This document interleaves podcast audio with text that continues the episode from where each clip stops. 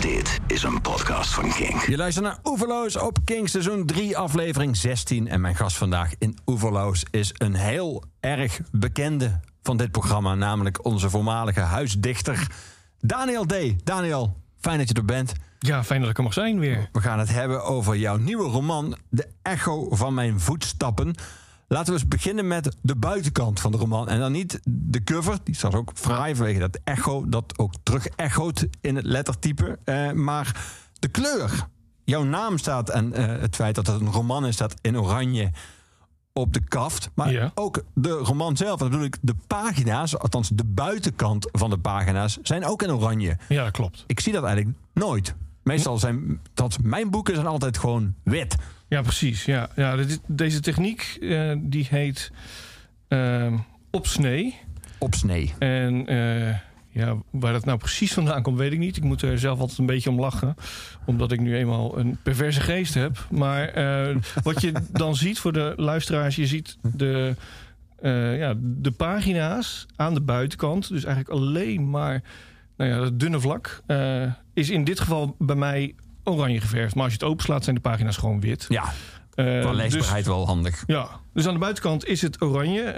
Het is- het is niet mijn eigen idee geweest hoor. Dat is van eh, de vormgever, Ralf Emmerich. Die, eh, ja, die heb ik eigenlijk een beetje een soort carte blanche gegeven om het vorm te geven, omdat ik hem gewoon heel goed vind. Ja, dan krijg je dus dit, hè? Dan komt Ja. hij met een oranje boek terug. Gooi je met een oranje boek terug. Het schijnt, heb ik me laten vertellen door Ralf en eh, door de uitgever, eh, dat deze techniek niet meer gedaan wordt in Nederland. Het boek is dus daarvoor ook speciaal naar België gegaan, want daar zit er dus nog wel een drukkerij die dat kan. Het op snee verf, verven, erop spuiten. Oh, Ja. Op snee. ik, eh, ik snap hem, eh, Daniel. Nee, het ziet er heel cool uit. Ja, ik ben er ook heel blij mee. Ja, zeker. Het was de bedoeling, zo leg je in het begin van de roman uit... dat je deze roman samen met eh Karel ten Haaf zou schrijven. Dichter en schrijver. De man met wie je ook verschillende boeken samen hebt gemaakt. eh Ja. vechtsportboeken. Je hebt samen compilaties samengesteld. Bloemlezingen van, van, van poëzie. En jullie hadden Na ons de lente als werktitel bedacht. Ja, Eh, klopt. En het idee was, maar dat kun je denk ik beter zelf vertellen, dat jullie allebei afzonderlijk van elkaar zouden werken, maar dat jullie personages en dus daarmee ook jullie werk en daarmee dus eigenlijk ook jullie elkaar zouden treffen. Ja, dat klopt. Ja. Ja, misschien even om het eh, in het kort te zeggen waar het boek over gaat. Ja. Eh, het gaat over eh, hoofdpersonage Nico Terwaarbeek... die op een ochtend wakker wordt en ontdekt dat er niemand meer is. Nou, dat is gewoon de hele premisse van de roman. Er is geen mens meer, maar ook geen dier. Dus hij is gewoon volledig alleen. Ik had samen met Karel ten Haaf... wij dachten dat het wel eens tijd werd om een keer een roman te schrijven. We hadden inderdaad al twee sportboeken geschreven... En nou, we wilden eens kijken of we dat konden. Hadden we dus bedacht van, nou, het zou leuk zijn als we inderdaad allebei ehm, onszelf min of meer namen, of in ieder geval een personage, en dat dan wakker wordt in zijn eigen huis. En dan eh, nou ergens halverwege zouden we elkaar dan ontmoeten. Karel kwam uit, uit Groningen, ik woon in Rotterdam. En eh, nou ja, hoe het allemaal precies zou gaan, eh, daar zijn we nooit aan toegekomen. Als je de, ik, ik zit even nu in mijn hoofd probeer ik de kaart van Nederland voor te zien, maar zou je als je het, het, het, zeg maar, het midden tussen Rotterdam en, en eh, Groningen, waar, waar zit je dan? Ja, we hadden een beetje vaag bedacht, misschien Amersfoort. Hmm. Dan kom je daar ongeveer. Dat is ook nog wel droog, misschien. Dat hadden we ook niet onderzocht. Kijk, we zijn natuurlijk allebei eh, vrij eh, verschillende schrijvers. Karel was wel heel erg van het eh, eh, research en alles van tevoren eh, uittekenen. Zodat hij wist waar het naartoe zou gaan. Hij, hij vond het ook niet leuk dat we eigenlijk nog geen einde hadden bedacht. Weet je wel, we hadden zo'n zo vaag idee van ja, misschien komt God wel of wat dan ook. Nou ja. Dus eh, hij was vooral bezig eh, die tijd met het eh, onderzoeken van nou wat gebeurt er nou daadwerkelijk als er geen mensen meer zijn. En, en, dus, en ik ben meer intuïtief schrijver, dus ik dacht, nou leuk, maak er een dagboek van. Ik begin gewoon met schrijven en ik zie het wel. Ik ga ook mezelf verbeelden van nou ja, wat zou ik dan doen als de stroom uitvalt. En dus ja, ik ben niet zo'n hele handige jongen. Dus nou ja, dat is dan ook een beetje de weerslag in die roman, Ja. we maar zeggen. Jouw persoon is ook niet echt een handige jongen. Nee, nee, nee, nee. Wat dat betreft kan je zeggen dat het wel naar het leven is geschreven, zullen maar zeggen. Ja. Dus eh, ja, nou ja, goed. En, en eh, nou ja, om een lang verhaal kort te maken. Karel werd in eh 2017 ziek. Eh, en in 2019, eh, twee jaar geleden dus, is hij overleden. Helaas. Ehm, en stond ik er dus alleen voor. En ik had al, nou ja, toch al een behoorlijk deel geschreven. Ik was ook bezig met een ander boek. Ehm, en ik dacht, ja, eh, dan maak ik het maar in mijn eentje af. Eh, ook een beetje met het idee van, nou, dan hou ik hem toch nog een, een beetje bij me. Dus, eh, en dus uiteindelijk nou ja, is het dan zonder hem Ja. verschenen. Heb jij zijn deel, of het deel wat hij al had, of de research die hij ervoor gedaan had, mogen of kunnen lezen, of niet? Nee, nee, dat heb ik niet gezien. Nee. Dus je hebt echt geen idee waar en zijn deel van maar, wat, wat na onze lente zou eh, moeten worden, wat in zijn deel, zijn personage onderweg van Groningen halverwege ongeveer had meegemaakt of zou Nee, tegenkomen. geen idee. Nee, want we hadden ook van tevoren gezegd... ehm, ja, we gaan niks tegen elkaar zeggen hoe je dingen oplost. Want dat wordt interessant dan. Van, nou ja, hoe heb jij dat gedaan? Eh, oh, een barbecue gebruikt om te kunnen eten. Weet je wel? Nou ja, of wat dan ook. Ja. Maar hij heeft dus research gedaan, wel toen nog, naar hoe, dan de, hoe het eruit zou zien als er geen mensen eh, meer zouden zijn. Maar wa- waar kun je die research doen? Want Ja, dat... daar heeft dat ook nooit iemand kunnen opschrijven. Want die was er niet. Dus hoe bedoel je? Nou, nooit- Nou, ik, zit, ik zit eh, welke periode. Er zijn toch wel periodes geweest dat eh, bijvoorbeeld na eh meteorietinslagen of zo, dat bijvoorbeeld de dinosaurus Nee, op zo'n manier. Ja, oké, ik snap wat je bedoelt. Nee, maar ik bedoel, je weet... eh, dus er zijn verschillende eh, documentaires te vinden trouwens op YouTube... van nou ja, nou ja, wat er gebeurt als, als de mens in een klap, plotsklap zou verdwijnen. Ja, Eh, nou ja, aan de hand daarvan weet je ook van, weet je, als er geen onderhoud gepleegd wordt, eh, dan houden de waterwerken hierop. Eh, nou ja, goed, de, de stroom valt uit. eh, dus al die ellende. Dus, eh, en dan is het de vraag van, nou ja, hè, eh, wat weet je van elektriciteit? Hoe zou je het zelf weer...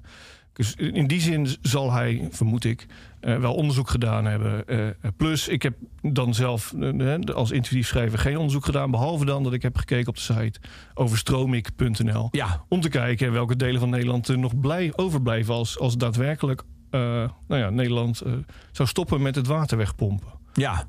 Dat is nogal een, eh, als ik jou zou lezen, want je legt aan het begin van je boek uit, je zegt te veel research heb ik niet gepleegd, maar voor het bepalen van welke gebieden in Rotterdam-West overstromen bij een dijkdoorbraak, want voor de duidelijkheid, daar is er sprake van in jouw roman, Ja, heb ik dankbaar gebruik gemaakt van de site overstroomik.nl. ja. Eh, Ik heb die site eh, ook bekeken. Nou, ik had er nog nooit van gehoord, maar nadat ik dat las in jouw, in jouw boek, het is wel een verontrustende site. ja zeker. Ja.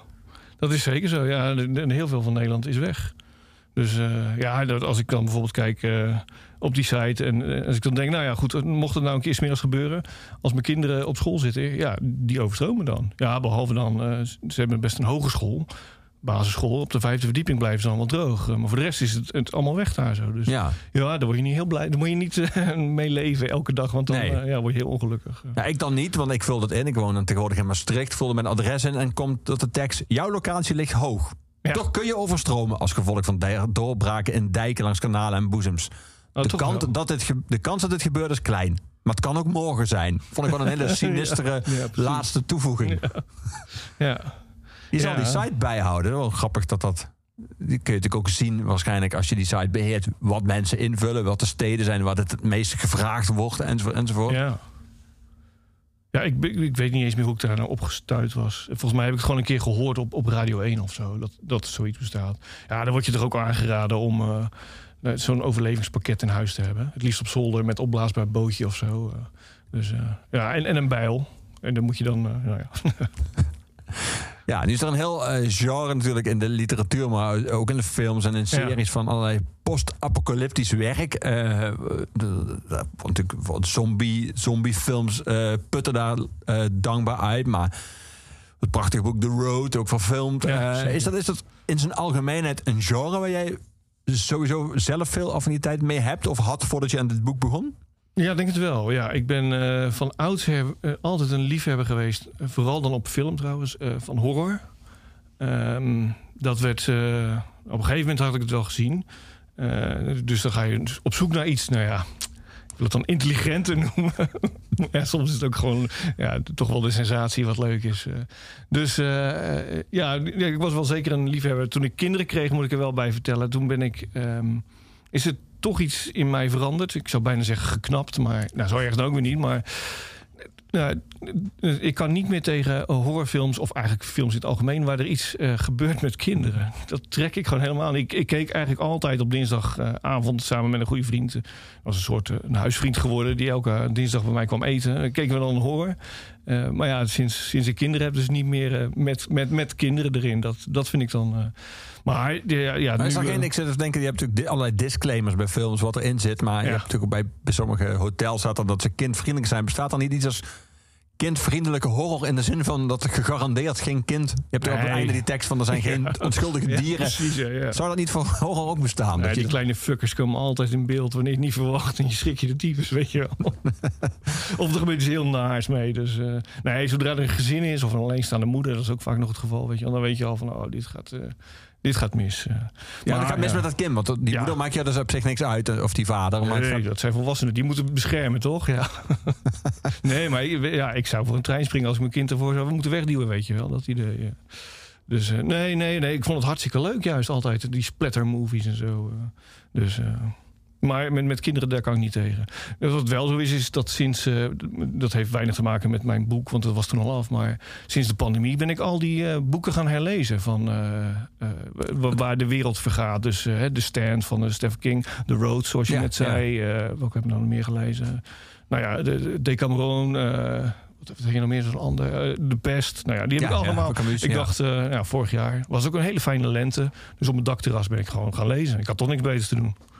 Maar toen had je, toen had je eh, de echo van, van mijn voetstappen had je al af. Ja, die was al af. Ja. Ja, die was al ingeleverd. Nou ja, af in de zin van, eh, nou ja, het bulk was af, de, redactie was Ja, ermee bezig. En, eh, Ja. Ja. Maar hoe las je, want je, was dan, je hebt dan aardig wat met die huisvriend, voordat je kinderen kreeg, heb je aardig wat post-apocalyptische films gezien ook. Of in ieder geval horrorfilms die zich afspeelden en waarschijnlijk in een wereld waar voor de rest bijna geen menselijk leven meer is. ja.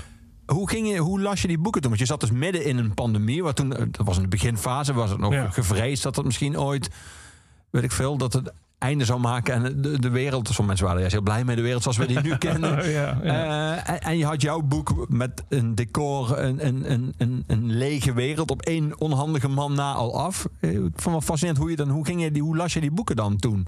Want je, je kon er zelf Ja. niet meer van schrijven, dat had je al gedaan. Ja. Eh, maar je zat midden in wat misschien de aanloop nog zou kunnen worden naar die wereld waar je over las. Hoe, hoe kwam dat binnen? Nou, eh, enerzijds technisch gewoon van oh, hoe lossen mensen dat op in de stand bijvoorbeeld. Hè? Er is er dan letterlijk een griep die eh 90% van de wereldbevolking eh, uitmoordt. Nou ja, overlijdt. Dus er is heel, zijn heel weinig mensen over en die dan dus met kampvuurtjes en letterlijk ook eh, hè, met de, de, de, benzinestations inbreken, supermarkten, et cetera. Nou ja, de- de- ik vond het dan wel fijn om te ontdekken dat eh, mijn hoofdpersoon nou ja, zo'n soortgelijke gedachte had, zullen we maar zeggen. Dus dat het dan wel klopt als eh, Stephen King het zo schrijft. Ja, dan moet het wel, wel goed zijn. En anderzijds, ik ben ze begonnen te lezen in april, mei. Nou ja, maart begon het een beetje. Ja. Ik moet je eerlijk bekennen, in maart schrok ik ook wel echt. Heb ik wel echt een, ja, een tijd lang echt wel bezorgd geweest van... oh shit, wat gaat er nu gebeuren? Nou, toen in mei eenmaal, die, nou ja, wat ik vertelde, die lente uitbrak... Toen dacht ik alleen maar, oh, relaxed. Wat fijn. En overdag, eh, tenminste, s ochtends en smiddags, nog een paar uurtjes in de middag, eh, was ik dan meester. Want de kinderen waren ook thuis. Dus die kregen dan via Zoom eh, lessen. En ik moest dat dan toch een beetje in goede banen leiden. Eh, waarbij ik dus ontdekte dat ik dus totaal geen didactisch vermogen heb. En eh, dat het maar goed is dat ik geen leraar ben. Maar nou ja, goed, weet je, als je dan een paar uur dat gedaan hebt, dan eh, ja, gingen we even een beetje rauzen buiten. En daarna had ik gewoon de rest van de dag vrij. Dus ben ik gewoon hè, op, op dakterras gaan zitten. En lezen over de En pest. lezen. Ja, precies. Ja. Ja, ik, maar, ja, ik ben natuurlijk normaal gesproken iemand die eh, buiten mijn optredens en de workshops die ik geef, eigenlijk thuis zit te werken. Gewoon aan het tikken met gedichten en verhalen. En eh, nu ineens zat ik thuis met vrouwen en kinderen. Ja, en ik vond het eerlijk gezegd, ik heb weinig gewerkt, maar ik vond het wel heel gezellig. Ja. Ja, kon ik thuis een beetje scharrelen en dan kwam ik dus iemand tegen. En eh, ja, dat is dan toch wel fijn. Ik, ik ben niet iemand die het eh, eh, heel vervelend vond of het gevoel had dat zijn vrijheid ontnomen werd. Nee. Nee. Opvallend trouwens dat jij zelf zegt dat jouw didactische vermogens in de praktijk blijken tegen te vallen. Want je, ik herinner me dat jij, je noemt het net ook, dat jij heel vaak op Ja. scholen wordt geboekt voor workshops en voor eh, jongeren in aanraking brengen met poëzie. Daar heb je toch wel enige didactische vermogens voor nodig, lijkt me. Ja, maar die zijn allemaal net iets ouder. Hè? Mijn, mijn eh, dochters die zijn nu eh 8 en 11. Eh, dus echt nog basisschool. En plus... dat Die, zijn niet, zijn, die anderen zijn niet voor jou. Nee, die zijn inderdaad niet van mij. Het zijn pubers, vaak al bovenbouwpubers. Pl- en, en inderdaad niet van mij, want mijn kinderen nemen gewoon niks van mij aan. Ja, dat is gewoon een feit. Tot zover de zelfduiding van de autoriteit van Daniel Ja, D. ja, dat, ja, daar stopt het eigenlijk wel. Ja, als je dan kijkt, hè, de- mijn, mijn jongste is eh, sinds kort zit zij op eh, pianoles. En nou dat is een vreemde vent. Ik ben er dan eh, een keer bij geweest. Als hij zegt, nou kom, gaan we klappen, gaan we zingen. Doet ze bij mij nooit. Doet ze in één keer. Ik dacht van, oh, dus je kan het wel. dus eh, dan luisteren ze ineens. Maar ja, dat is dan toch een, vreemde of zo. Dan doen ze het wel. En als ik zeg van, kom, we even lekker eh, hè, piano eh, repeteren, een beetje oefenen. Nou, daar heeft ze helemaal geen... eh, nee dat doet ze op wanneer, ze, wanneer het haar uitkomt. Dus, Hmm. Zullen we maar muziek draaien, Daniel? ja, Zullen we naar Bright Eyes luisteren? dat is goed. Eh, waarom deze? Waarom dit nummer? Eh, dan moet je even vertellen eh, welk nummer het ook weer was. Want ik had een tijdje geleden ingeleverd. Ik ben even kwijt welk Eh, het dit is. de Calendar Hung Itself. Oh ja, ja, nou dat is eigenlijk mijn eerste aanraking geweest met Conor Oberst, de zanger. Ja, de die ook onder die naam natuurlijk ook plaat heeft gemaakt. Precies, ja. Ehm, en het is zo'n tergend nummer. Eh, dus het is eigenlijk gewoon een schreeuw om, om eh, ja, zijn geliefde weer terug te krijgen. Ik, ik vond het... eh, dat raakte mij toen heel diep. En ik dacht van, ik wil meer van die man weten. En het blijkt dat hij heel veel goede muziek gemaakt heeft. Ja, zowel inderdaad onder zijn eigen naam als, als, als Bright Eyes. Laten we gaan draaien. Bright Eyes.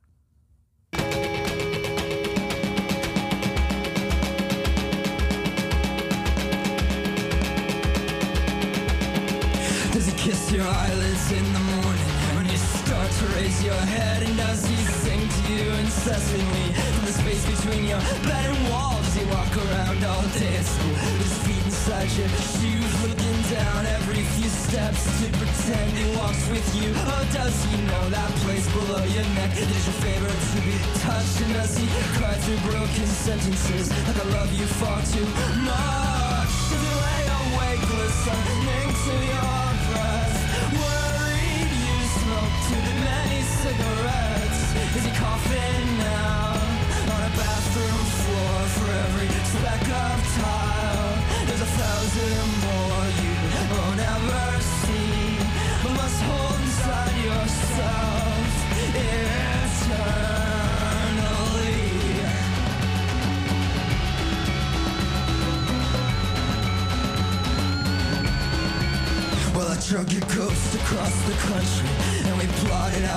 death in every city Memories would whisper, here's where you rest.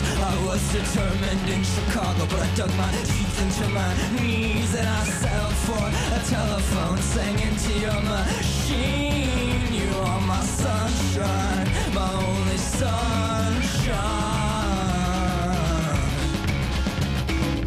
You are my sunshine,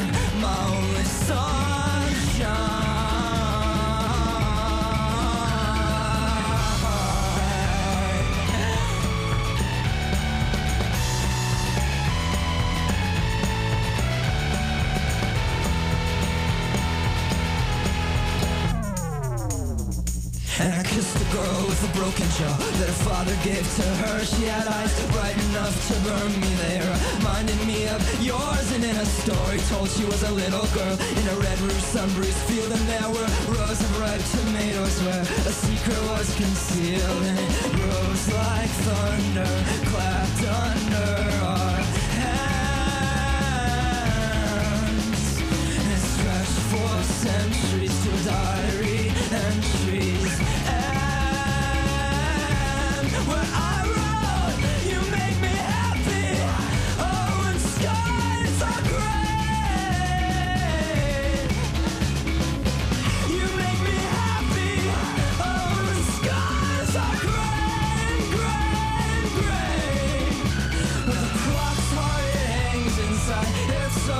shadows with hands stretched towards the calendar hanging itself. But I will not weep for those dying days, for all the ones who've left. There's a few that stayed and they found me here and pulled me from the grass. Where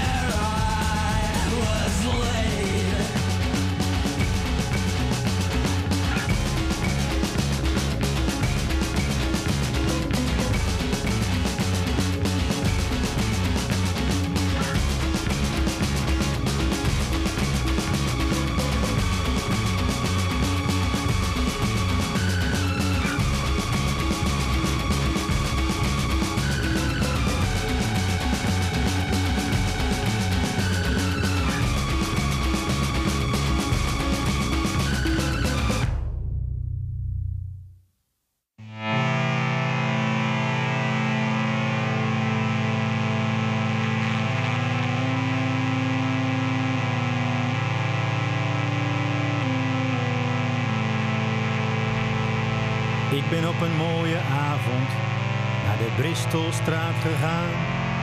En daar leken de passanten op een veld van golvend graan. Bij de spoorbrug over het water zongen mannen een liefdeslied. Dat weer klonk onder de bogen. Echte liefde eindigt niet. Liefst ik zal van je houden. Tot rivieren over bergen springen. Van China tot in Afrika. De vissen in de straten zingen. Tot de diepe grijze Noordzee aan een lijn te drogen hangt. En de grote beer de kleine in zijn armen terug verlangt. Uren, dagen, maanden, jaren vlieden als een schaduw heen. Niet voor mij aan wie de liefde als een nieuwe God verscheen.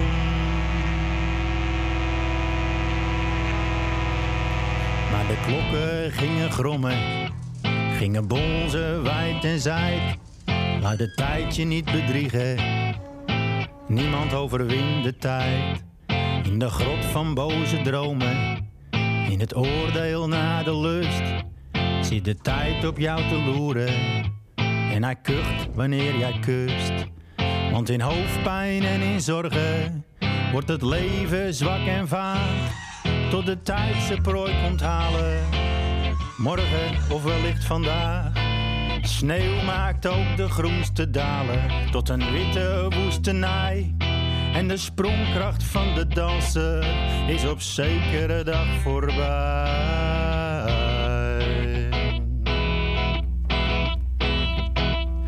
Steek je handen in het water tot je polsen toe erin. Vraag dan wat er is gebleven van het prachtige begin. In de gangkast kraakt een gletsjer, een woestijn is het ledikant. En de barst in de theepot is een laan naar het dode land. Als gelovigen gaan vloeken en de dief de waakhond bijt. En sneeuwwitje voor haar dwergen haar slanke benen spreidt. Kijk dan even in de spiegel, kijk je wanhoop maar eens aan. Want het leven blijft een zegen, al is alles vreemd gegaan. Blijf maar uit het raam staan kijken, huil een beetje voor mijn part. Hou van je duistere buurman, met heel je duister hart. Daar werd heel diep in de avond, klok nog minnaar meer gehoord. De rivier met zijn diep water stroomde onverschillig voort.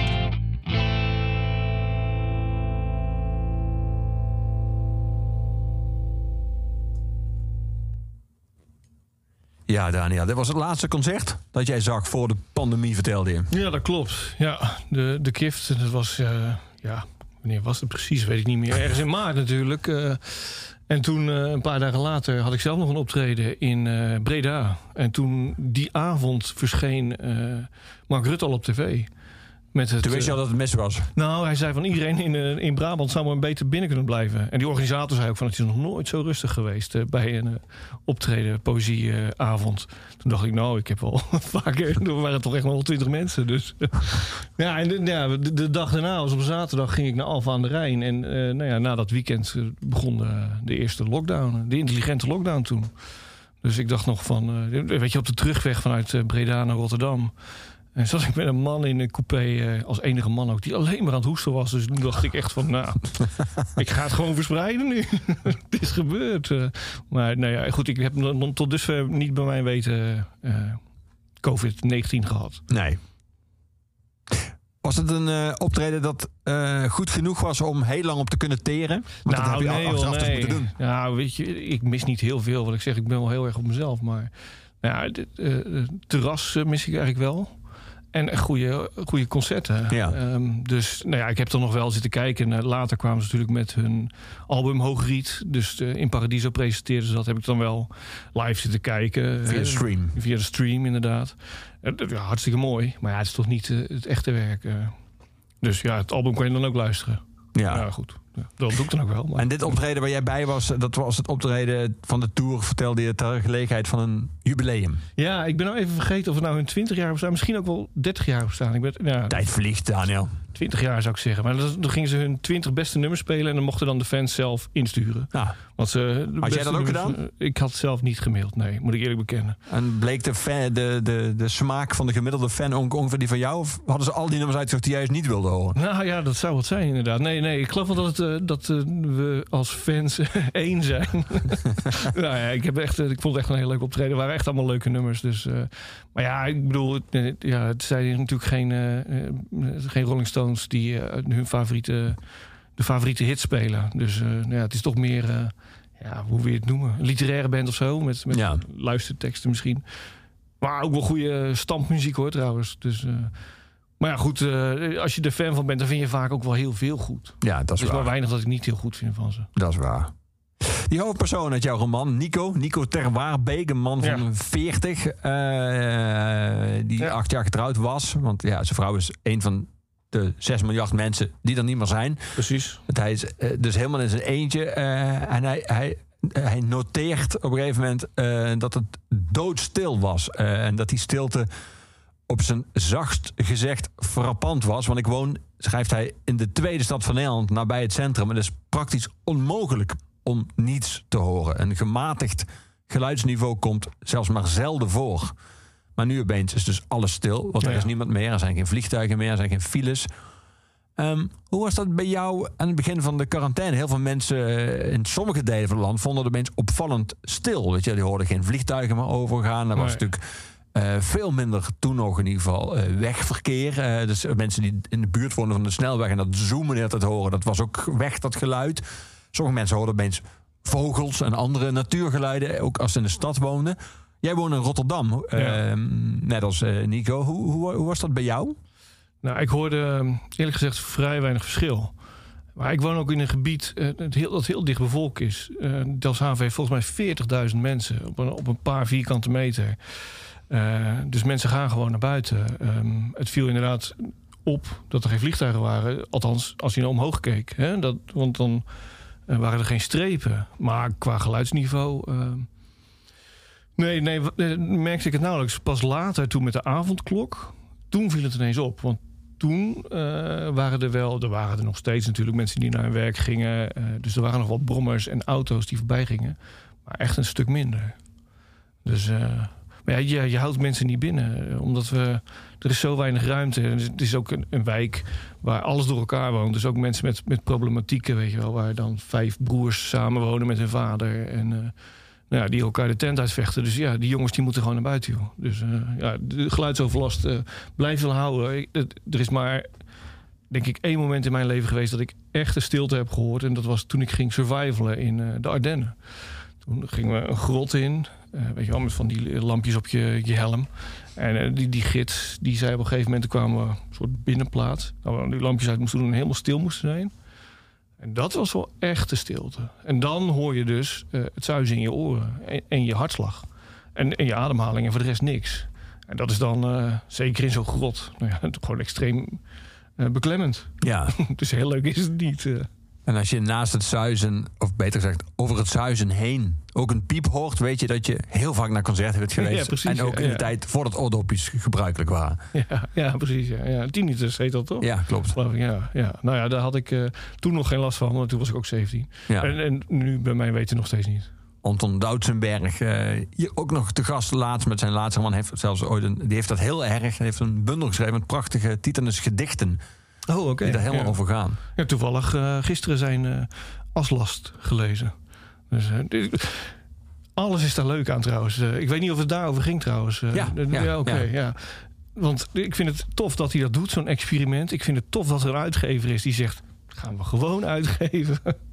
ik vind het ook tof als lezer van... eh, ja, waar ga ik nou in mee? Wat Ja. is dit? Eh, Ja. ja. ik vind dat, vond dat echt... Maar ja, Doutsenberg is wel iemand die... eh, nou ja, dat experiment durft aan te gaan. eh, en, en daar ook gewoon pal achter staat. Wat mensen er ook van vinden. Ja, Zeker. vind ik ook Ja. tof trouwens. Ja. Ja. Die hoofdpersoon eh, van jou, Nico, die beschrijft zijn stad, dus ook jouw stad, als een individualistische kille stad. Ja. Ehm, is dat, en dan ook beide termen, eh, hoe jij Rotterdam ervaart? Want volgens mij, je, je komt oorspronkelijk eh, uit Groningen, maar volgens mij ben je... Nee, nee, ik kom niet uit oorspronkelijk. Ik kom maar, oorspronkelijk kom ik uit eh, de Hoekse Waard. Ah, oké. Eh, dus net onder Rotterdam. En ik heb gestudeerd in Groningen en ben daar wel tien Lang jaar blijven hangen. hangen, Ja, ja, ja. Dus, Ja. maar ik Ja. ben wel weer teruggegaan naar Rotterdam. ja, nou, dat heeft kennelijk een reden dat je terug bent gegaan. Ah, ik, heb, ik heb wel echt een liefde-haatverhouding. Ik, ik ging ehm, op mijn zeventiende naar Rotterdam. Heb ik toen dus vijf jaar daar gewoond. En daarna ben ik gaan studeren in Groningen. Eh, maar ik heb wel een, een liefde-haatverhouding met die stad. Want het is wel... ehm, In die volgorde ook? hoe bedoel je, een liefde-haat? Eerst de liefde en dan de haat? Of? Ja, de, de liefde overwint wel, want ik ben wel weer teruggegaan. ehm. Eh, maar het is wel een kille stad. Zeker als je het niet zou kennen. Dan, eh, want het heeft niet... ehm, ik ben vanmiddag nog even in Utrecht geweest. Weet je, wel, die hebben gewoon een stadskern met een kerk... en daaromheen winkels en terrassen. En, eh, Ja. Het is ook een studentenstad, dus gemoedelijk. Zo'n stad waar je, als je hem niet kent, ga je loop binnen, je zoekt het hoogste punt, de- Precies, de, kerk, ja, de dom, en daar loop je in en dan weet je, daaromheen is een plein en daaromheen zijn cafés en daaromheen zijn winkels en dat zit op zich wel logisch in elkaar. En dat is eigenlijk alle steden natuurlijk in Nederland hebben dat. Groningen had dat ook. Dat is hartstikke leuk. Voor mijn gevoel was het ook eh, nou ja, bijna tien jaar lang vakantie, zeg maar. Weet je wel? Want het is gewoon leuk. En, eh, maar het nadeel daarvan is, en dat is ook een reden waarom ik daar uiteindelijk wel weg ben gegaan. Je bent altijd wel iemand, eh, je komt altijd wel iemand tegen. En je bent nooit echt alleen. Als je een keertje in Rotterdam kan ik uren lopen zonder iemand tegen te komen. Ja. Al wordt het ietsje lastiger naarmate je er langer woont hoor. Maar, Iemand die je kent heb je nu over. Iemand die je kent, ja, ja. Je kan gewoon door de stad struinen. En ja, het is heel industrieel. Ehm, tegelijkertijd, eh, ja, je wordt ook afgesnauwd. En het is, eh, ja, mensen zijn ongeduldig. eh, de toeter is niet van de lucht, eh, s ochtends vroeg. Dus ja, dat is dan wel weer dat je denkt, nou, we zijn weer thuis hoor, weet je wel. Ja. Als ik dan van een reis... En is dat dan, dat wordt natuurlijk vaak, wordt dat dan bijvoorbeeld bij Rotterdam geassocieerd met een soort van de aard van de Rotterdammer in het Ja. geval. ja. Is het dat denk ik of is het gewoon wat je krijgt als je heel veel mensen gewoon in een relatief kleine ruimte, heel veel mensen op elkaar propt? Ja, nou, misschien wel beide. Ik, ik, weet het niet. Ik heb daar niet echt natuurlijk onderzoek naar gedaan. Maar eh, kijk, de Rotterdammer is altijd... stond wel een beetje bekend natuurlijk om zijn, eh, zijn eerlijke, platte humor, zullen maar zeggen. En eh, ja, en nu is de stad steeds voller geworden. Kijk, de, de, de, de dichter Hans Sleutelaar, inmiddels overleden ook... die zei, nou, de stad is nog helemaal niet af. Nu moeten we gaan beginnen. Maar dan met eh, elkaar opvoeden. Weet je wel? Want eh, het, het beton staat er nu. Dus nu moeten we eens een keer gaan leren om met elkaar om te gaan. Eh, Ja, ja. Dus, eh, nou ja, goed. Ja, aan de andere kant... eh, ja, dit is, is ook niet zo leuk af en toe om iemand... eh, ja, ik, ja, ik kan het niet meer doen. Want ik, ja, ik toch af en toe... Hè, als ik dan op de fiets zit met, met mijn dochter voorop op zo'n zitje... Ja, soms geld ik dan wel. Maar dan zeg ik altijd van... Nou, dat hebben we hem even niet... eh je wil het toch niet meegeven, maar ja. Ja. Dat, dat wat Nico, jouw hoofdpersonage in jouw roman meemaakt, is dat ergens ook een soort van diep verlangen? Want hij loopt dus inderdaad door een stad en Ja. door een land waar hij niemand tegenkomt. Niet alleen niemand die hij eh, kent, maar echt niemand. Hij is echt alleen. Ja, ja, ja ik denk het wel. Ehm, ook, eh, er is dus, de, de- ja, goed, het lukt hem dan niet om in te breken in de supermarkt. Maar dat Nee. is al vanaf jongs af aan voor mij een wens geweest om gewoon alleen. Eh, ik had me het liefst als kind verstopt en dan gewacht tot de winkel dichtging. Om dan alleen in de supermarkt te zijn met al dat snoep en al die chips en al die cola. Weet je wel? En, eh, maar ik denk dat ik gewoon sowieso wel een, een, eindselganger ben. Iemand die graag alleen is en... eh, ik heb ook wel graag mensen om me heen, maar ik ben niet van de, grote groepen, zeg maar. Als ik naar een concert ga, doe ik het ook altijd maar met één persoon. En, weet je wel, de, de vrienden die ik heb, die ontmoet ik altijd, nou ja, één op één. En ik weet ook zeker dat bepaalde vrienden heb die gewoon niet samen kunnen, weet je wel. En, eh, en nou ja, goed, jij hebt er een, boek over geschreven over vriendschap, weet je wel. En zulke soort vriendschappen, ja, dat ken ik eigenlijk niet. Dat je samen met, met, met elkaar dingen gaat doen, dat, eh, ja, daar word ik niet heel gelukkig van. Ik ben graag alleen en... eh, en als ik dan met mensen ben, dan toch liefst gewoon nou, één op één. Ja. De zeer populaire en door Marco Borsato eh, nog populairder gemaakte term mensenmens ja, is nee, niet dat helemaal ik aan jou. Nee. besteed. Je bent dan hoogstens een mensmens, maar niet een mensenmens. Ja, ik vind dat vaak eh, vermoeiend eh, eigenlijk. Heel veel mensen. En, en, en ja, weet je wel, dan ga je met z'n allen naar een voetbalwedstrijd of zo. En dan helemaal lam de boel in elkaar trappen of zo, weet je wel. Ja, nou ja, dat hoeft voor mij niet per se. Kijk, ik vind het wel ehm, fascinerend. Dat moet ik wel eerlijk zeggen. Dat, eh, om te zien hoe nou ja, mannen samen met z'n allen gaan eh, wielrennen of zo. Hè? Op mijn leeftijd is dat een beetje gebruikelijk. Dan eh, en met z'n allen dan ook zo'n zo'n broekje aantrekken en hun beenharen scheren. Maar dan wel met bierbuik. Dus, nou ja, ach, nee, ja, maar ja, daar gaat het boek dan eigenlijk... hè, Als je het dan over het thema wil hebben Ja, van het boek... ja. daar gaat het gewoon over. Ja. Ook over mijn onvermogen eigenlijk om... ehm, ja, nader tot iemand te komen. Want ja, Nico, eh, ja, mijn, van de hoofdpersoon... moet natuurlijk nooit zeggen dat het autobiografisch is. Eh, maar ja, weet je, die heeft ook moeite met het communiceren met zijn vrouw... en Ja. om intiem te zijn met haar. En eh, ja, als je sowieso kijkt naar mijn, mijn werk, ook mijn gedichten en zo... het is toch een soort rode draad die, die continu in dat werk zit. Het onvermogen tot communiceren. Ja. Ja, En dat bij iemand die communiceert, namelijk ja. schrijft. ja precies. Ja, ja, ja, dan lukt het wel. Ja. zeg maar. Ja, gek genoeg. Maar ja, dit, dit is ook interessant om te onderzoeken, vind ik. Eh, want hè, wat ik zei, als je dan eh, in zo'n grot zit, toen met de survival, Ja. in zekere zin is je hoofd dat ook. Want je bekijkt de wereld vanuit dat hoofd. En, eh, dus op een andere manier kan ik niet jou bezien, zeg maar, of, of de rest van de wereld. Dus het is allemaal vanuit mijn grot, kijk ik naar de rest. en Toch was in, in, in Frankrijk vooral in de jaren zestig dat hele existence... Ik krijg hem nooit uit mijn- ja, existentiële. Precies, Ja. lisme. Eh, Lees me, oh ja. Dat was natuurlijk het hele idee dat je ook soort van jezelf kon ontstijgen. Dat je ook eh, niet alleen vanuit jezelf kon kijken, maar vanuit een soort van perspectief van niet per se wanneer is een ander, maar gewoon bovenhangend. ja. Maar als ik jou zo hoor, is dat eigenlijk ten diepste onmogelijk om helemaal aan jezelf te ontsnappen. In ieder geval. Ja, nou ja, allicht ben ik niet intelligent genoeg daarvoor, maar eh, mij lukt het niet. Eh, Je hebt natuurlijk van die schrijvers die, ehm, die vanuit een soort nou ja, helikopterview de, de wereld en eh, met een visie ook op de wereld boeken schrijven. Weet je wel, Mullis is natuurlijk bij uitstek Ja. zo'n schrijver. en, maar ik ben geloof ik meer toch, nou ja, letterlijk zo'n zo'n grot bewoner die dan alleen maar kan beschrijven hoe die dagelijks zijn eigen bessen verzamelt en dan in zijn grot opeet, zeg maar. Dus het is meer vanuit de loopgraven dat ik schrijf dan vanuit eh eh Ivoren Toren. Ja. Ja, ja. We gaan muziek draaien, Daniel. We gaan, eh, ik ga iemand draaien die jij eh, graag wilde horen, maar die laat ik aankondigen door een andere zanger. Dat klinkt een beetje gecompliceerd, maar het betekent eigenlijk dat ik nu Brian Fallon ga draaien met het nummer Etta James en daarna Etta James. Oh, wat mooi. Ja.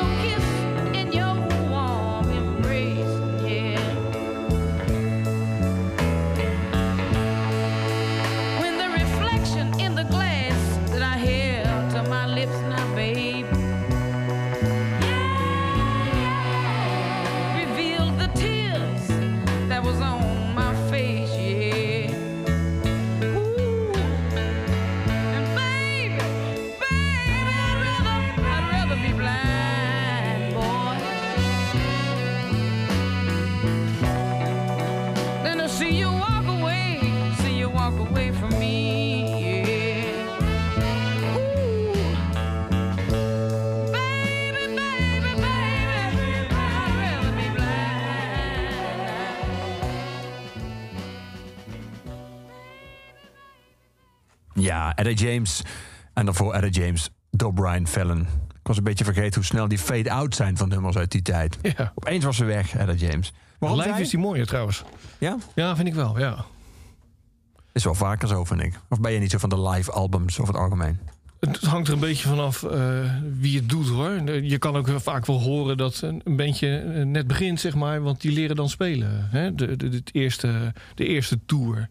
Dan, is, dan rammelt het vaak nog een beetje en dan gaandeweg dan weet je van. eh, ze kunnen het wel spelen, maar ja, weet je, het hangt er een beetje van. mijn bui af. Vaak vind ik nou, die rauwe emotie wel heel mooi. Tegelijkertijd ben ik ook een liefhebber van muzikanten die echt kunnen spelen. Dus die heel veel noten in een minuut hè, kunnen pingelen. Dus ja. Maar, maar ja, goed. Dus de ene keer vind ik dan ook een eh, studioalbum interessant. Ja. Dan, ja. Over eh, dat soort muzikanten gesproken. We gaan dadelijk luisteren naar eh, Frank Zappa. Ja. Dat is wel, denk ik, een van jouw grote en ook soort van consequent door je leven lopende Ja. muziekhelden, hè, of niet? Zeker, ja. ja, ja. Die, die gaat al, al heel lang mee. Het heeft ook te maken met zijn, zijn lef en zijn drang tot de hele tijd nou ja, het experimenteren. Ehm, plus hij was gewoon heel goed. Heel goed eh, componist, een heel goede gitarist. En ook een heel goede eh, slagwerker eigenlijk. eh. Eh, ja, en, en heel veel, veel humor. En Ja. ja. goed, ja, ik wil me niet aan hem spiegelen. Maar ja, ik hou daar gewoon van. En ik denk dan... eh, Nee, maar ik kan je wel geïnspireerd hebben, of misschien zelfs nog steeds inspireren. Zeker, ja. Ja, eh, ik bedoel, ik word gelukkig van als ik naar hem luister. Dus dat is al meegenomen. Maar ik vind het ook tof dat hij gewoon eh, nou, geen blad voor de mond nam. En dat is toch wel een beetje... Hè, als ik iets wil met mijn schrijverij, dan is het... eh, en dat is misschien niet eens zo heel erg voor de lezers. Maar ik wil altijd even kijken hoe ver durf ik te gaan met de dingen die ik opschrijf.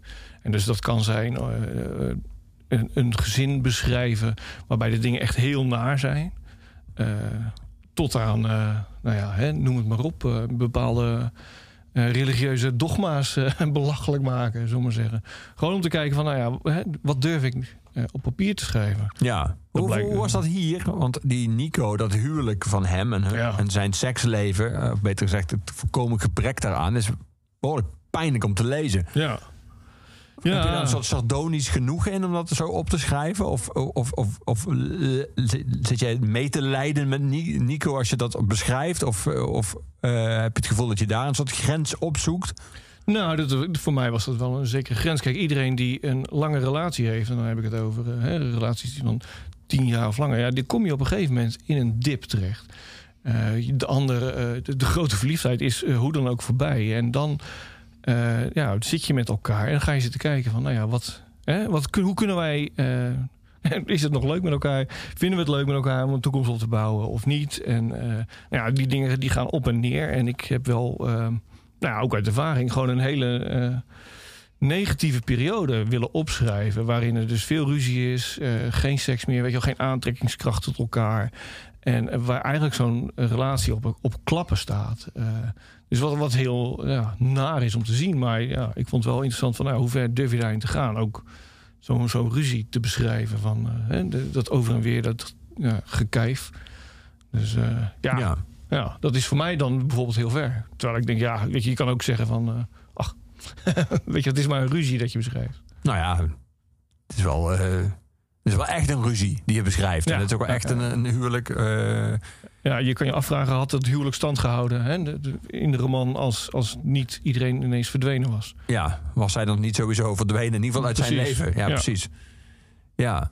Ehm, ja, laten we daar even verder praten. Ik wil eerst muziek draaien. Ik wil naar Zappa, eh, want daar hadden we Oh het ja. net al over. Ja. Eh, heb je het gevoel dat zijn, eh, laat ik zeggen, zijn legacy, zoals dat dan heet, Ja. wordt die goed beheerd? Heb je het gevoel dat zijn werk goed voortleeft en nog steeds goed wordt gebracht en dat hij soort van herinnerd wordt zoals hij bedoeld, het waarschijnlijk zelf bedoeld had? Ehm, oh, dat is een lastige vraag. Weet ik eigenlijk niet zo goed. De familie doet het natuurlijk. Ehm, ik weet wel dat de familie onderling nogal veel ruzie maakt. Eh, maar geregeld elk jaar, toch minimaal, komt er nog een nieuwe plaat uit van Zappa. Zappa had heel veel opgenomen en elk, elk concert dat hij deed, nam hij op. Dus er is letterlijk een, een, een volt, een, eh, een kluis zo groot als een, eh, als een grot. Eh, met allemaal onuitgegeven werk. Eric Clapton is een keer een middag langsgekomen om muziek te maken met Zappa. Dat ligt nog op de plank, weet je wel. Dus, een- dus er komt nog zoveel uit waarvan ik denk, nou, dat is wel interessant. En dat Ja, was dat ook de bedoeling? Want bijvoorbeeld bij Prince eh, Ja, is is, ook verhaal. kluizen vol. Maar Ja. er zijn ook artiesten zoals Jeff Buckley en Tupac... waar op een gegeven moment wel betwijfeld werd... was nou de bedoeling dat je dit nog uitbracht? Ja. ik bedoel, Dat heeft dan zijn familie, of het geval van Buckley, zijn moeder beheerd. Maar dat was dan niet meer helemaal voldoend aan de kwaliteitscriteria die die artiest zelf bij Ja, leven precies, stelde. ja. Is dat bij Zappa anders? Is dat... Ja, ik vermoed ik wel Hm. dat dat wel anders is. Want ehm, ja, hij had gewoon niet de tijd om het allemaal misschien netjes zelf eh, af te mixen. Maar ja, er zijn natuurlijk heel veel live-opnames die gewoon goed zijn. En eh, dus ik ga er wel een beetje vanuit dat ze dat wel netjes doen. Ja, je weet helemaal zeker weten, dat doe je natuurlijk nooit. En al helemaal niet als buitenstaander. En blijf je het volgen? En blijf je het kopen? En blijf je het luisteren? Ja, ja, ja. Alle drie. Ja, ja. Ik blijf het volgen. eh, ik blijf het ook kopen en, en, en luisteren. Het is wel zo. Kijk, er is laatst is er dan tussen acht uur lang een, reeks eh, uitgekomen van zijn Halloween optredens uit 1972. En daarna een reeks van acht cd's van uit 1980. En dan heb je de middag, het middagconcert en het avondconcert. En dan nou ja, drie, vier dagen lang. Hè? Dus dan zit je wel op die acht eh, cd's. Eh, dat ga ik niet allemaal kopen. Dat moet ik eerlijk zeggen. Eh, wat ik wel doe, is het gewoon allemaal luisteren. Dan zet ik gewoon Spotify aan. En dan ben je inderdaad gewoon een dag bezig. En dan kom je dus... Het is heel de tijd hetzelfde concert. Maar dan ja, net weer kleine details. Een grapje uit met in het publiek. En eh, een liedje dat dan in de mist ingaat. En, eh, dus dat is dan leuk. Maar ja, zo ook echt een beetje voor de echte freaks hoor. Moet ik eerlijk Ja. zeggen. Ja. Ja. En zijn zoon? Ja, die volg ik wel ook. Ehm, vooral ook, ehm, ja, hij heeft natuurlijk meerdere zoons en dochters. Ja, het Dweezil bedoel ik dan het gewoon. Ja, ja, als hij komt met eh, Zappa Play Zappa, heeft hij natuurlijk tijdenlang gedaan. En eh, ja, al die, die lui die sterven nu langzaam, maar zeker ook al die lui die speelden met Frank Zappa, die zijn natuurlijk ook allemaal oud. Ehm, maar als ze dus meetoeren, ja, ik vind dat geweldig, dan, ja, dan ga ik er naartoe eh, om ze te zien. En, en, en Dweezil Zappa is een, zelf ook een vrij goede gitarist. Dus, en kan het heel goed, zijn, zijn vader, eh, de, de stukken van zijn vader spelen. Ja. Na Zappen draai ik dadelijk Amy Winehouse, dan ook in je lijstje. Die onlangs geleden was het ook tien jaar geleden dat zij overleden was. Ehm, je zou kunnen zeggen dat, dat zij ook voordeel heeft, maar op een andere manier. In de zin van dat volgens mij in elke eh, pop programma op tv waar mensen iets moeten zingen of waar nummers gecoverd worden, hoor je wel een Amy Winehouse nummer eh, Ja. langskomen. Zij is een soort van tot een soort culturele bagage gaan horen van eh, iedereen, ook van generaties die haar niemand bij leven hebben meegemaakt. Eh, ehm, Nou, Club van 27 hè, ook. Dat speelt Ook natuurlijk dat. mee. De, mythe- mythe. de mythe, ja. ja. Ja, zo'n documentaire over haar verschenen die wel, ook wel schrijnend was om te zien hoeveel mensen om haar heen zij had Ja. verzameld die misbruik maakten van haar. op welke Maar ik had vooral veel moeite eh, met, met haar vader. Ook, Ja. Natuurlijk omdat ik zelf vader ben. Dat je ja, die dit allemaal een beetje heel de tijd eh, kleiner maakte dan het werkelijk was. Van ach ja, ze drinkt wel. En, en nou, als ze zegt dat niet nodig. Nou goed, dat liedje gaat er ook over natuurlijk. Hè, Ja. Het beroemde liedje. We have, Dus maar ja, ja, uiteindelijk blijft hij dan toch, eh, ja, ik weet niet. Dan hoop ik toch dat ik eh, iets dichter bij mijn kinderen sta of zo. Ik wil, zou niet willen dat het, ja, dat je zegt, ach, het is maar verkoudheid. Weet je wel? Ja. ja. ja. Je hebt back-to-back uitgezoogd eh, uit haar catalogus. Waar- waarom die? Waarom dat nummer? Eh, Back to Black. Ja, Ja, ja, ja. Ja, ehm, ehm, ja de, volgens mij er zit een soort thema in misschien wel. in de liedjes die ik heb uitgezocht. Maar het zijn allemaal een soort, misschien met uitzondering van Zappen dan... toch een soort schreeuw. De, dit, die rauwe emotie of zo. En eh, ja, toen ik die liedjes uitzocht, was het een beetje eh, waar ik eh, behoefte aan had. Ja. ja, weet je wel, ik bedoel, ik zit thuis en vroeger, toen ik nog geen kinderen had, kon ik draaien wat ik wilde. En nu moet ik altijd luisteren naar de popliedjes van mijn kinderen. Dus dit is misschien mijn, eh, mijn rebellie. Van nou, nou draai ik papa eens een keer zijn muziek weer eens. Maar zij beheren, begrijp ik, bij jou thuis de, de muziekinstallatie? Ja, ja, ja, overdag zeker. En Tenminste, dus als ze wakker zijn, ja. ja. Ja. Dus ja, vroeger dan ging ik koken en dan, eh, dan draaide papa een plaatje. En nu is het, eh, ja, dat vonden ze toen ze nog klein waren, hè, peuters vonden ze dat nog wel interessant, zo'n zo'n zwart vinyl ding.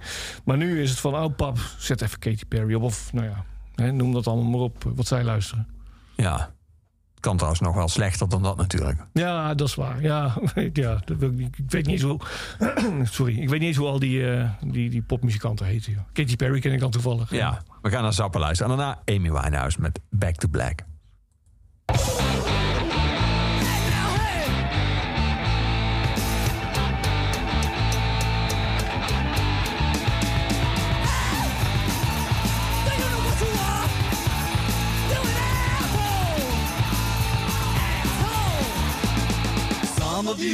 might not agree. Cause she probably likes a lot of misery. But think a while and you will see. Broken hearts are for assholes. Broken hearts are for assholes. Broken hearts are for assholes.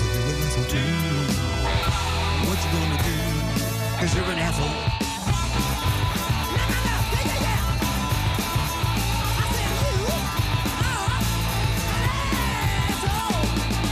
Maybe you think you're a lonely guy. And maybe you think you're too tough to cry. So you went to the grape just to give it a try. And Dagmar doubt the ugliest son of a bitch I've ever seen in my life. was his name. One, two, three, four! The whiskers sticking out from underneath of his pancake makeup He was a beautiful lady. Nearly drove you insane. Let's talk about leather. And so you kissed the little sailor Tex Abel starring in the latest Shepherd production. Sir Richard Pumpelo. You sniffed the reeking buns of The tale of a demented bread boffer. and acted like it was Cucumber cocaine. fine whole wheat loaf. You were dazzled by the exciting new costume of Coco. Then on Tuesday night, Caesar's back in town. In a way you can't explain. Facing off in the Holtz Barred Tag Team And Grudge so match you with the Kona. with Michael. 379 pounds of Samoan which gave your back dynamite. an awful strain. Volcanic hell. But you came back on Sunday for the gong show. Thursday, two nights But you forgot what I was saying. Cause you're an asshole, you're an asshole, that's right. You're an asshole, you're an asshole, yes, yes. You're an asshole, you're an asshole, that's right. You're an asshole, you're an asshole. Well, now you've been to the brain, been to the chest. Now I think you know what you are. You an asshole. You say you can't live with what you've been through. Well, ladies, you can be an asshole too. You might pretend you ain't got one on the bottom of you. But don't fool yourself, girl. It's looking at you. Don't fool yourself, girl. It's winking at you. Don't fool yourself, girl. It's blinking at you. That's why I say I'm gonna ram it, ram it, ram it, ram it up your poop shoot. Cornhole. Ram it, ram it, ram it, ram it up your poop shoot. Fist fight. Ram it, ram it, ram it, ram it up your poop shoot. Wristwatch. Crisco. Ram it, ram it, ram it, ram it up your poop shoot. Don't fool yourself, girl. It's going right up your poop shoot. Don't fool yourself, girl. It's going right up your poop shoot. Don't fool yourself, girl. It's going right up your poop shoot. Don't fool yourself, girl. It's going right up your poop shoot. Don't fool yourself, girl. It's going right up your poop shoot. Don't fool yourself, girl. It's going right up your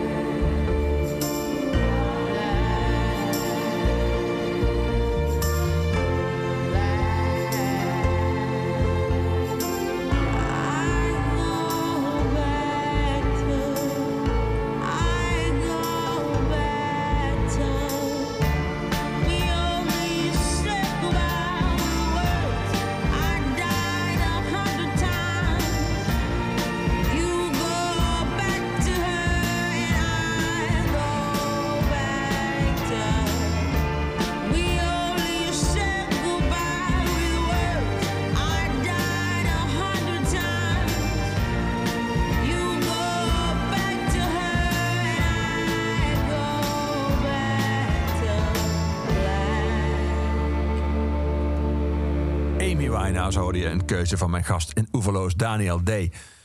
Daniel, jouw hoofdpersoon, eh, Nico, die komt er op een gegeven moment, omdat hij dus als enige op de hele wereld over is, eh, achter, eigenlijk tot zijn eigen, nou niet hele grote verbazing, maar hij merkt het eh, extra omdat hij eigenlijk natuurlijk, omdat er niemand anders meer is, ook niets meer hoeft van andere mensen. Dat hij eigenlijk gewoon dezelfde dingen doet. Dat hij een gewoontedier is, dat hij elke dag ook teruggaat naar zijn eigen huis. Eh, eh, hij zegt: Niemand verplicht mij tot het uitvoeren van die ingesleten handelingen. Er is geen klaarover en een geel hesje die mij een bepaalde richting op dirigeert. Ik kan in theorie blijven pitten waar ik wil.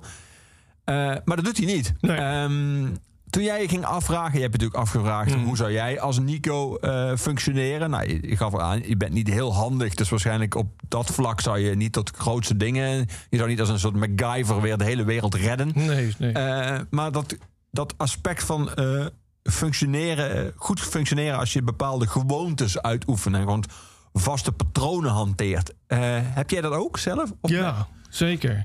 Ja, Heb jij rituelen op een dag? Van je staat op en dan zet je eerst Ja. koffie of dan doe je eerst dat of dan. Kijk, rituelen zou ik het niet willen noemen, maar het zijn inderdaad gewoontes. Eh, kijk, voor ik kinderen had, schreef ik s'nachts. Vanwege de rust, trouwens. Want dat is dan. eh, hè, de meeste mensen slapen, dus dan is het is ook donker, dus dan kan je geconcentreerd werken. Dat kan nu niet meer. Dan werkt omdat- hij echt een, nacht door. Ja, dat, dat, ja dat, als ik de volgende dag niet vroeg iets moest doen, dan werkte ik het liefst een nacht door. En dan sliep ik overdag. tenminste, in de ochtend en een stuk van de middag. Ja. Had je er wel bijvoorbeeld muziek op staan of niet? Ja, ja, altijd muziek op. Wel op mijn koptelefoon, omdat ik toch altijd wel in huis heb gewoond waar heel veel buren omheen zitten. Dus Ja. die, weer dan niet lastigvallen. Maar je merkte dan, je zat er wel bij een raam, dus je kon wel merken dat het s'nachts was. Ja, ook. zeker. Ja, ja, ja. Ik had wel de, de gordijnen ook open, zeg maar. Dus eh, ja. ja, en sinds ik kinderen heb, kan dat niet meer. Dus nu ben ik eigenlijk een ochtendmens geworden. Dus ochtends, ja, letterlijk, drink ik eerst koffie, want dat is gewoon mijn motor. Daar word ik wakker van. En dan door de weekse dag breng ik de kinderen naar school. En dan in de ochtend tot middags eh, werk ik gewoon. zo heb ik deze roman ook geschreven. Gewoon elke ochtend gaan zitten. ja. En dan schrijven tot in de middag. En dan, eh, ja, voorheen. eh, maar ja, ik heb het dus ook geschreven voor de pandemie. Maar ja, dan ging ik sporten om 12 uur. En dan 's smiddags, ja, dan kwamen de andere dingen, zeg maar, Ja. die, die moesten gebeuren. Je bedankt achterin het boek enkele mensen, omdat je respectievelijk in haar en hun appartement hebt mogen werken aan dit boek. Ja, klopt. Moeten we daaruit lezen dat Huizendegen eh, als werkplek is afgevallen? Nee hoor, nee, nee. Wat ik zeg, weet je wel, dat is gewoon thuis eh, werkte ik dan 's ochtends als de kinderen op school za- zaten. eh, En ook in het weekend, dan doen ze allerlei dingen trouwens. Dus daar heb ik eigenlijk geen last van ze. Eh, maar ik wilde gewoon eh, tot twee keer toe. Ehm, ik heb dit boek samengeschreven met het andere boek dat in dit najaar komt, zeg maar. Dus ik had twee boeken geschreven. Maar ik wilde gewoon een keer, nou, dat is uiteindelijk twee keer geworden. Gewoon een week lang alleen daarmee bezig zijn. Verder ook geen afspraken, niks. Dus eh, gewoon letterlijk eh, mijn eh, manuscript en een plek waar niemand Ja. me kon storen. En kun je dan Ja. ook, heb je dan de discipline ook, of heb je die helemaal niet nodig, eh, om bijvoorbeeld je telefoon uit te zetten en geen mails te checken en zo? Ja. Ja, dat heb ik echt gedaan. Ik moet wel zeggen dat ik dan s'avonds, als het dan eenmaal klaar was, dan ging ik een filmpje kijken hè, op de televisie bij, Ja. die- in de huizen waar ik zat. Ja, dan ging ik wel gewoon weer op Facebook kijken en zo. Wat je allemaal gemist had die ja, dag. precies. Ja, ja, ja. Dus, eh, maar En merk je dan een verschil? Merk je dan dat je dan een soort van weer, eh, ik moet zeggen overprikkeld, maar dat je dan een soort van ruis toe, eh, in je hoofd toelaat? Nou, nee hoor, nee, dat viel wel mee. Kijk, het, het, het fijne van zo'n week was vooral dat je door kan blijven gaan. Want er zijn Ja. geen kinderen die eh, op tijd naar bed moeten of op tijd eten of, of opgehaald moeten worden van school. Weet je wel? Dus, eh, is überhaupt geen ritme meer. Nee, er is geen verplichting verder. Dus ik kon weer gewoon eh, hè, dus tot 12 uur s'nachts doorgaan. of tot ik moe werd, of wat dan ook. Zeg maar. En, en- dus dat is dan het fijne. En dan leef je dus eigenlijk nou ja, in je, nou, je verhaal. Eigenlijk. Dus dat is toch wel fijn. En soms ja, moet je er ook toch wel even uitstappen. Ook gewoon weer even fris te worden. Ik weet niet of Facebook dan per se helpt, maar goed. Ja. Zou dat, zou dat ook ehm, langere tijd werken? Of, of is dat juist misschien zelfs, misschien zelfs letterlijk gekmakend? Als je bijvoorbeeld eh, dit een maand of maanden zou doen. Alleen maar in het hoofd van jouw hoofdpersoon en in die verlaten wereld leven. Ja, nee, ik, ik vind het fijn om een boek te schrijven. ehm, Gewoon ehm, met een, een dagelijks ritme. Dus gewoon in de ochtend en elke keer een, x aantal woorden. Het, houdt niet per se bij. Nee. En dan, Een eh, beetje alsof het een baan is. een beetje alsof het een baan is. Ja, is gewoon een dagelijks ritme. En dan is het wel fijn om het nou ja, de, de- te kunnen schaven en af te maken eh, apart. Maar ik zou, dat, ik zou er niet aan moeten denken om dat maanden te moeten doen. Nee. nee, want ik ben wel graag alleen. Maar ik geloof niet dat dat eh, gezond voor mij zou zijn om echt maanden alleen te zijn. En wat ik ook zei, weet je wel, ik vond het heel fijn dat eh, die pandemie uitgebroken was. Dat mijn vrouw en kinderen ineens thuis waren. Ja. Dus ik kon een beetje thuis scharrelen en werken en ook nog mensen zien. Ja. Want als je alleen bent, je, je- gaf een paar keer dat voorbeeld van dat je ooit die survival hebt gedaan en dat je in die grotten kwam en dat je dan opeens niets meer hoort en dan opeens jezelf hoort, het zuizen en je hartslag en eh, gewoon je hele lichaam en je, hele Ja. lichamelijkheid hoor je dan. Ehm, maar als je eh, helemaal alleen bent, heb je natuurlijk ook altijd je gedachten bij je. Eh, ik bedoel, in die zin zijn andere mensen, ik gaf van begin aan van ik ben, je bent niet per se iemand die heel graag altijd onder in ieder geval grote groepen mensen is.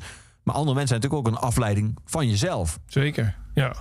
Maar een week zonder mensen, dat kan ik wel. En eh, weet je, ehm, ja, je zal me waarschijnlijk introvert noemen of zo. Dat label, dat past denk ik wel op mij. Eh, dus ik vind het helemaal niet erg om eh, alleen te zijn met mijn gedachten. Dat, eh, ik vermaak me wel prima. Dus eh, ja, zo'n week, dat hou ik wel vol. En als het twee weken is, zou het ook nog wel lukken, denk ik. Ja, ik, wil het niet gaan testen tot het misgaat, Nee, moet ik zeggen. Dus eh, ja, maar als het maanden wordt, dat zal waarschijnlijk wel ook voor mij te lang zijn. Ja. Ja. Wat die hoofdpersoon van jouw roman daar helemaal alleen in Rotterdam, alleen op de wereld wel doet, eh, Nico, is eh gitaar spelen. Gitaar spelen bij Kaarslicht. Hij pingelt wat. Eh, want hij heeft zijn onderbuurman had een gitaar. Hij noemt dat dan repeteren. En ik kom pas snel erachter dat eh, aan hem, zoals hij er zelf zegt, geen Jimi Hendrix verloren is gegaan. Nee.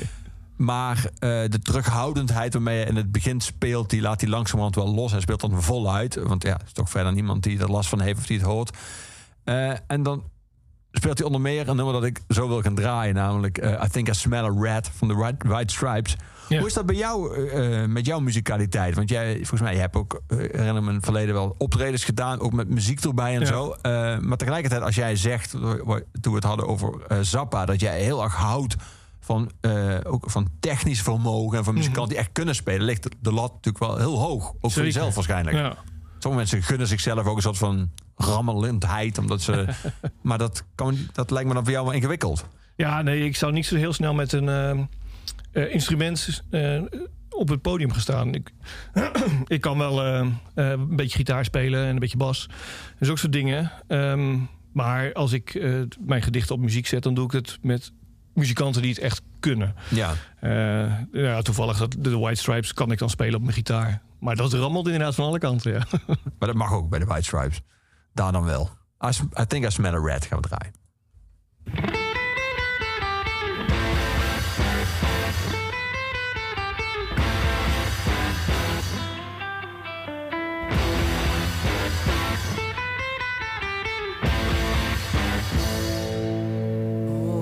I smell a rat. Oh, I think I smell a rat.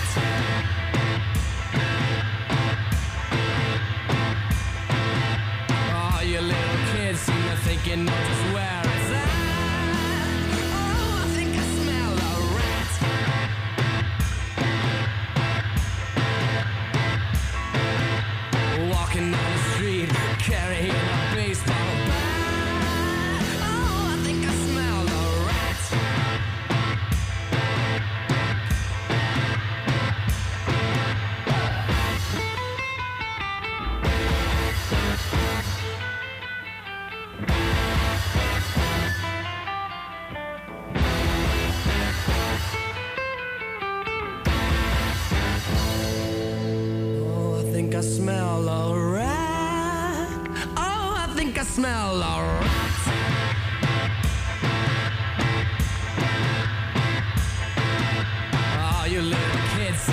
can I just wear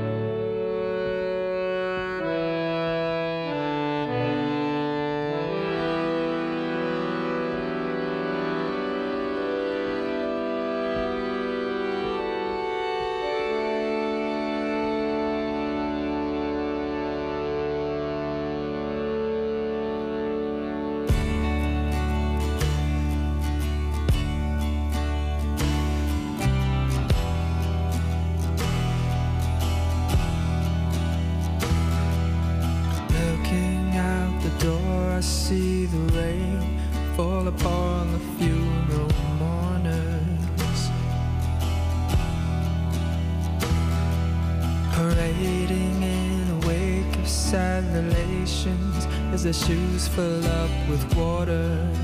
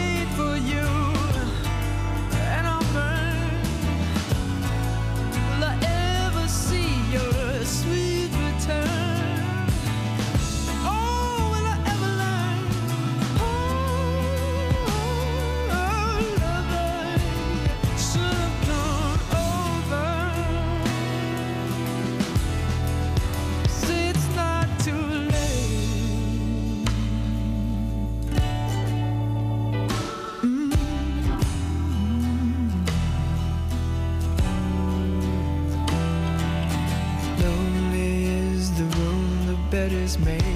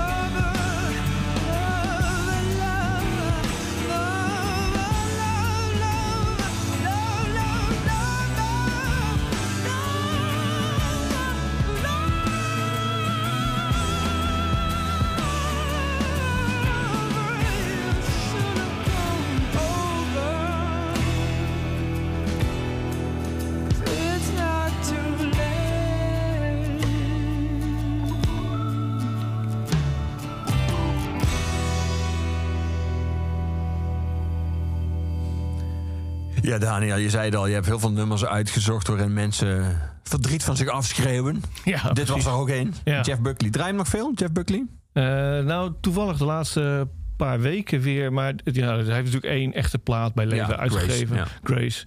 Eh, fantastische plaat. En eh, die was ik eigenlijk een beetje vergeten. Dus nu heb ik hem weer een soort van ontdekt. Dus maar jarenlang niet. Ja. Ja. Ehm, we hadden het begin van deze oeverloos over het, het... Wat ooit het idee was, wat uiteindelijk heeft geleid tot de echo van mijn voetstappen. Namelijk dat je een eh, roman zou schrijven samen met eh, Karel ten Haaf. En Ja. dat jullie eh, zeg maar, letterlijk naar elkaar toe zouden schrijven. En jullie hoofdpersoonlijk naar elkaar toe zouden bewegen. Ehm, nu is er de echo van mijn voetstappen. Dat, is- dat gaf je al aan. Is het eerste deel. Er komt nog een tweede deel dit najaar. Ja, Die je tegelijk geschreven. de geschiedenis van Marten, inderdaad. Ja. Ja, dat is eigenlijk een, een andere roman waar ik ook mee bezig was. Ehm, en, en toen kwam het idee van Karel en mij. En dus ben ik eigenlijk aan twee romans eh, zo afwisselend gaan werken.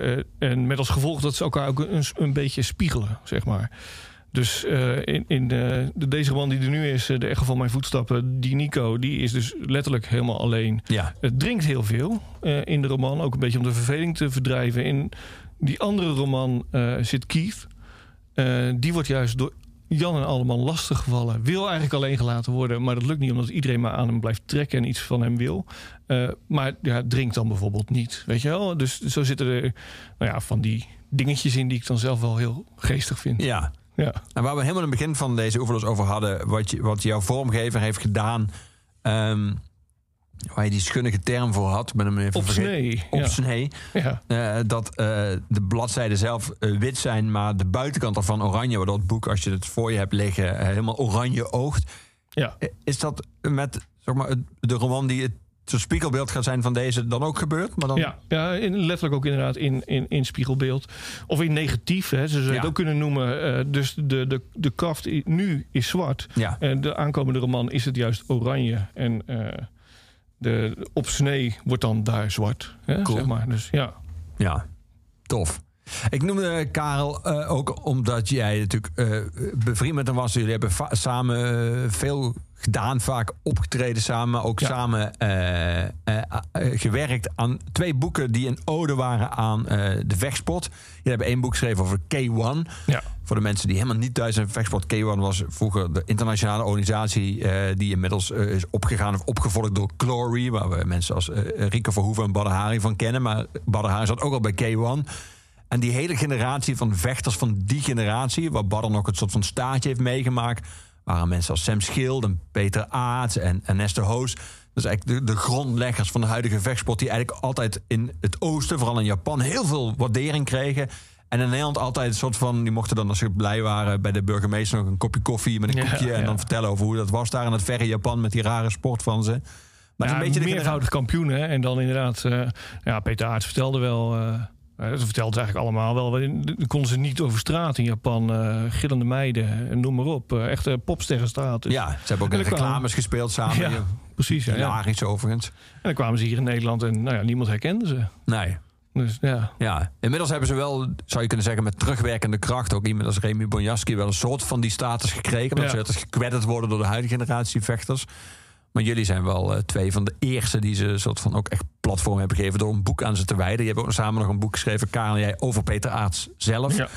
Ehm, ben je de, de vechtsport altijd blijven volgen sindsdien? Heb je nog, is er nog steeds iets waar je met interesse naar kijkt? Ja, nog Ja? steeds wel. Ja, ja, ik vind het ook nog steeds leuk. Ehm, ik moet wel eerlijk zeggen, het is wel... Ja, het is een beetje opa moppert of zo. Maar ik vind het iets minder interessant. Ik mis een beetje die eh, ja, grote namen. Want eh, ja, ze hebben het groot gemaakt. Maar ze waren ook allemaal, weet je wel, Remy Bojaski, Ernesto Hoost. eh, nou ja, noem ze op. Meervoudig kampioen. eh, en echte knokkers. Nou, Ja. met, zeker met Peter Aarts, zeg maar, als, als ultieme vechter. die gewoon doorgingen. En ik heb het idee dat het nu, ehm, wat dat betreft, minder is. Ja. Kijk, eh, het, is allemaal wat meer eh, op safe. Het is misschien ook wel verstandig. Want ja, dan eh, blijft je hoofd wat langer goed, zullen we maar zeggen. Ja, Hè? sommige van die mensen die noemt zijn ook niet meer helemaal verstaanbaar. Omdat, Nee, ze nog, ook ja. omdat ze nog wat klap hebben gekregen op dat hoofd. Precies, ja. Dus dat, het is misschien niet helemaal eh, slim. Eh, maar het was wel gaaf. Ja. Ja. En nu zie je wel dat een deel van de vechtsportliefhebbers... die vroeger dan heel erg van die sport hield... van kickboksen, van thai-boksen... dat die nu heel veel interesse hebben in UFC. Ja. Eh, dus in MMA. Dus eh, de combinatie van kickboksen met worstelen... die vooral in Amerika echt krankzinnig groot is. Ja. Stadions vol. Eh daarvoor lopen inmiddels ook weer. Want daar, bijvoorbeeld in Texas was eergisteren UFC... en er zitten gewoon wat 20.000 mensen in het stadion... Heb je die overgang ook gemaakt? Volg je die sport ook? Wat eigenlijk een hele andere sport is, maar Ja. ook een vechtsport. Maar een beetje noodgedwongen, maar niet zo intens. Ik kijk meer naar eh, Glory, dus hè, de kickboxbond hier. Ehm, maar ja, die hebben dan weer niet echt eh, eh, een nieuwe toffe vechters. Dus ik kijk dan wel naar UFC, maar ik moet je eerlijk bekennen... en dat is misschien ook een beetje ja, arbitrair of zo... maar ik hou er niet van als gevechten doorgaan op de grond. Ik ben dan toch... Je bent van de oude erecode. Ja, Als je valt, hou je op. Ja, nou ja, Jules, die, die vond dan alweer... als je gaat schoppen, dat doe je niet. Weet je, wel. je moet gewoon boksen. Dus weet je, wel, iedereen heeft, trekt zo zijn eigen grens. Dus ja, weet je wel, die lui hebben erop getraind. Dus die kunnen dat echt wel, dat worstelen en elkaar eh, op de grond... eh, weet je wel, op, op een verstandige manier kapot slaan. Dus, hè, maar ja, ik vind dat dan toch minder interessant. Ik vind het Ja. veel leuker om zo'n Peter Aarts dan... die eh, zijn benen in iemand zijn nek legt. Eh vind ik veel mooier om te zien. Ja. Ja, dus Dankjewel. ja. Dankjewel dat je er was vandaag, Daniel. De echo van mijn voetstappen ligt nu in iedere boekhandel is uitgegeven. Zoals eigenlijk op bijna alle boeken van Daniel deden. Uitgeverij Passage. Daar zal ook dit najaar dan... eh, heb je daar een titel al van? Ja, de, eh, de geschiedenis van Marten. De geschiedenis van Machten. Dat wordt de opvolger, of nou, niet echt opvolger, maar in ieder geval met dit boek samenhangende Ja. boek. Dat dit najaar zal verschijnen. Het ehm, laatste woord van iedere oeverloos is uiteraard aan onze postuumhuisdichter Luc de Vos. Het laatste nummer is altijd van Gorky. Ik heb even gekeken, het repertoire van Gorky, welk nummer misschien het beste past bij dit gesprek. Dat is eigenlijk één nummer dat fantastisch past bij het hele thema van de echo van mijn voetstappen. Dus hier is Gorky ter afsluiting van deze oeverloos met Hij is alleen.